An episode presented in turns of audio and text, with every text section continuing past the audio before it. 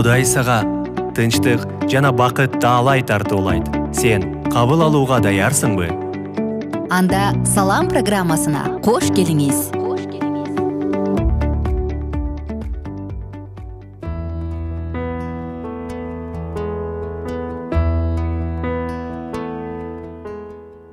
кутман күнүңүздөр менен замандаштар баардык сүйүктүү досторубузга салам айтабыз. Жана сиздер менен кайрадан салам подкастын баштадык. Бүгүн дагы пайгамбарлар жана жазуулар деп аталган курсту улантабыз. Төртүнчү сабакка келгенбиз жазуулардын душмандары. Биз менен бирге болуңуздар.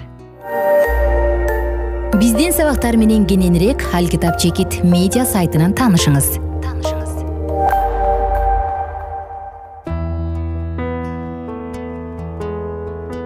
достор мурунку окторубузда биз тарыхта иудейлер машаякчылар дагы жазууларга өзгөртүү киргизген киргизбегенин жана өзгөрткөнгө аракет кылбагандарын дагы окуганбыз. Анда бүгүн андан ары уланталы эмне үчүн жазууну өзгөртүү мүмкүн эмес болгон деген суроо туулат э? Анткени жазуулар катылып калгандыктанбы? Же баардык библиялар жоголуп кеткенби? Жок андан эмес албетте. Эмне себептен жазуу өзгөртүлгөн эмес деген суроого анткени ал алла тааланын кудайдын сөзү болгон жана миңдеген көчүрмөлөр бар. Алардын ар бирин таап бурмалоо мүмкүн эмес болчу. Буга чейин белгиленгендей куран китеп ээлерин иудей менен машаякчыларды эрте жиберилген китептерге өзгөртүү киргиздиңер деп айыптабайт. Ал аларды жазуулардын окутуусун ээрчибегендиги үчүн күнөөлөгөн. Ал эми ал жазуулар кайсылар? Бул туурат забур инжил библиянын тексттери бурмаланган деген ойду куран ырастабайт. Куран муну четке кагат тескерисинче куран жазууларды жогору баалап аларды туура эмес талкуулагандарды соттойт. Бул фактылар куранда бар болгонуна карабастан кээ бир окумуштуулар библия бурмаланган же өзгөргөн ошондуктан курандын аянуу үчүн зарылдык пайда болгон дешкен. Мындай көз караш курандын окутуусуна дал келбейт. Ал курандын күбөлөндүрүүсүнө эмес адамдын философиясы менен божомолдоруна негизделген. Анда мындай суроо туулат достор. Иудейлер менен машаякчылардын теологиясындагы айырмачылык жазуулардын оригиналын сактап калганга кандайча жардам бере алмак деп. Албетте иудейлер менен машаякчылардын ортосунда теологиялык айырмачылыктар көп болгондуктан алар ыйык жазмалар музейге катып салган деген бул туура эмес же болбосо доктринадагы айырмачылыктардан улам алар ыйык жазуунун мазмунун билишчү эмес деген дагы туура эмес. Кандай жооп калат? Албетте бир топтогулар. Экинчи топтогуларга жазууларды бурмалаганга жол бербей ынактык менен кайтарышмак. Анткени иудейлер үчүн эски осуят машаякчылар үчүн жаңы осуят өтө ыйык. Эрте жиберилген китептер бурмаланган деген жалган маалыматты курандын аяттарына таянып айтып койсо болот экен. Көп учурда жазуулар бурмаланганына далил катары курандан алты аятты келтиришет. Келиңиздер карай кетели бул кайсы сүрөлөр? Бул төмөндө. Биринчи аят. Али имран сүрөсү үчүнчү бөлүм жетимиш сегизинчи аятта мындай бар. Чындыгында алардын арасынан бир топ китепте болбогонду силер китепте бар экен деп ойлооңор үчүн тилдерин буруп окушат бул аллахтан деп айтышат. Бирок ал аллахтан эмес. Алар аллах тууралуу билип туруп жалган айтышат. Али имран сүрөсү үчүнчү бөлүм жетимиш сегизинчи аят. Достор чындыгында бул аятта эмне жөнүндө айтылып жатат? Кээ бир адамдар жазууну тили менен бузгандыгы тууралуу айтылып жатат. Башкача айтканда алар маанисин өзгөртүшөт дейт. Бирок бул жазуунун текстин өзгөртөт дегенди билдиребейт. Ал жөнүндө айткан жок текстти өзгөртүү жөнүндө сөз да жок. Алар ыйык жазуулардын чыныгы мазмуну жөнүндө элдерди куулук менен адаштырат. Бул оозеки калп атайлаган жалган болчу. Бирок бул нерсе жазуулардын текстине эч кандай таасир тийгизбейт.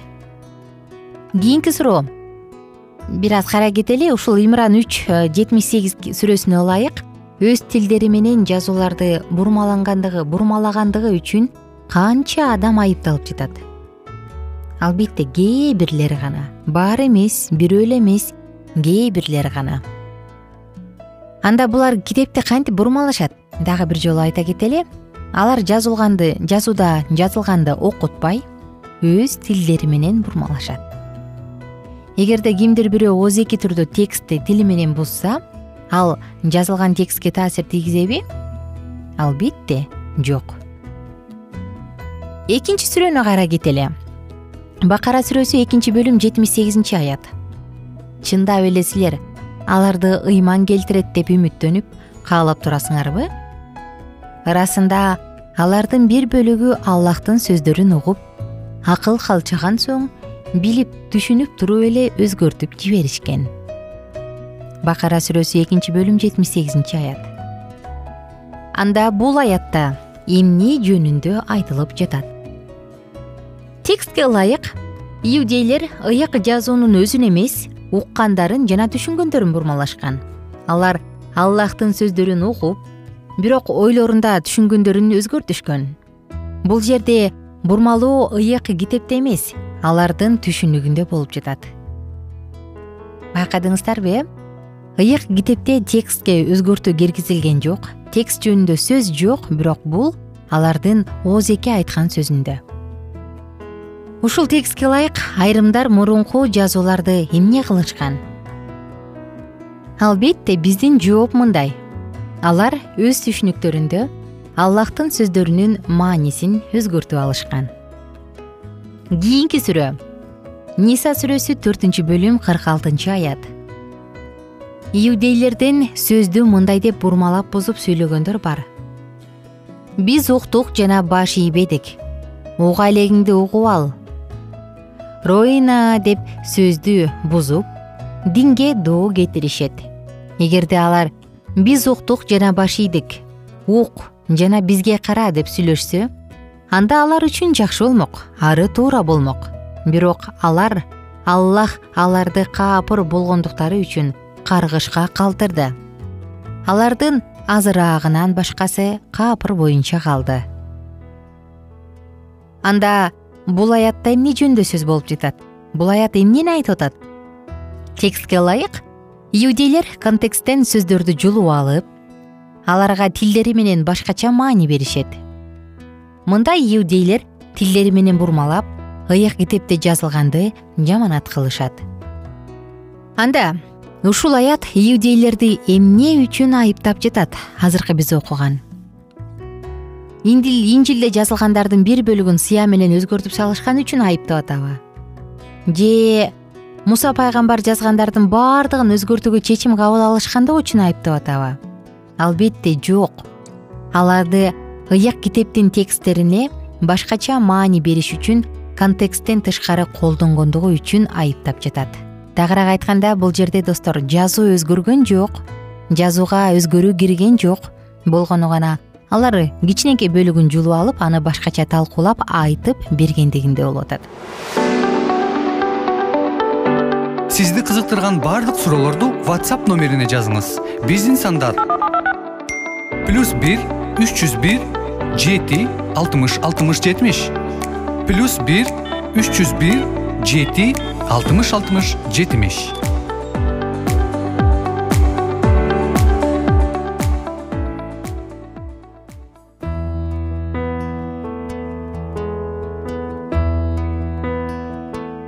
замандаштар сиздер менен жазуунун душмандары деп аталган бөлүгүбүздү кийинкиде улантабыз. Дагы куранда кандай аяттар айтылган? Бул тууралуу дагы биз негиздеп сонун маалыматтарды бирге бөлүшөбүз. Ар бир жанга тынчтык каалап. Ободо салам уктуруусу күнүңүздөр көңүлдүү улансын бар болуңуздар бай болуңуздар. Ар бириңиздерге жаратканым жалгасын деген каалоо менен бул уктурууну дагы жыйынтыктайбыз кайрадан амандашканча сак саламатта туруңуздар.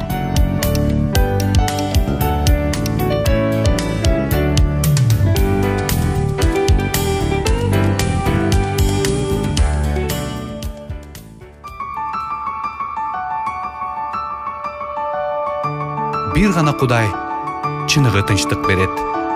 Ободо салам уктуруусу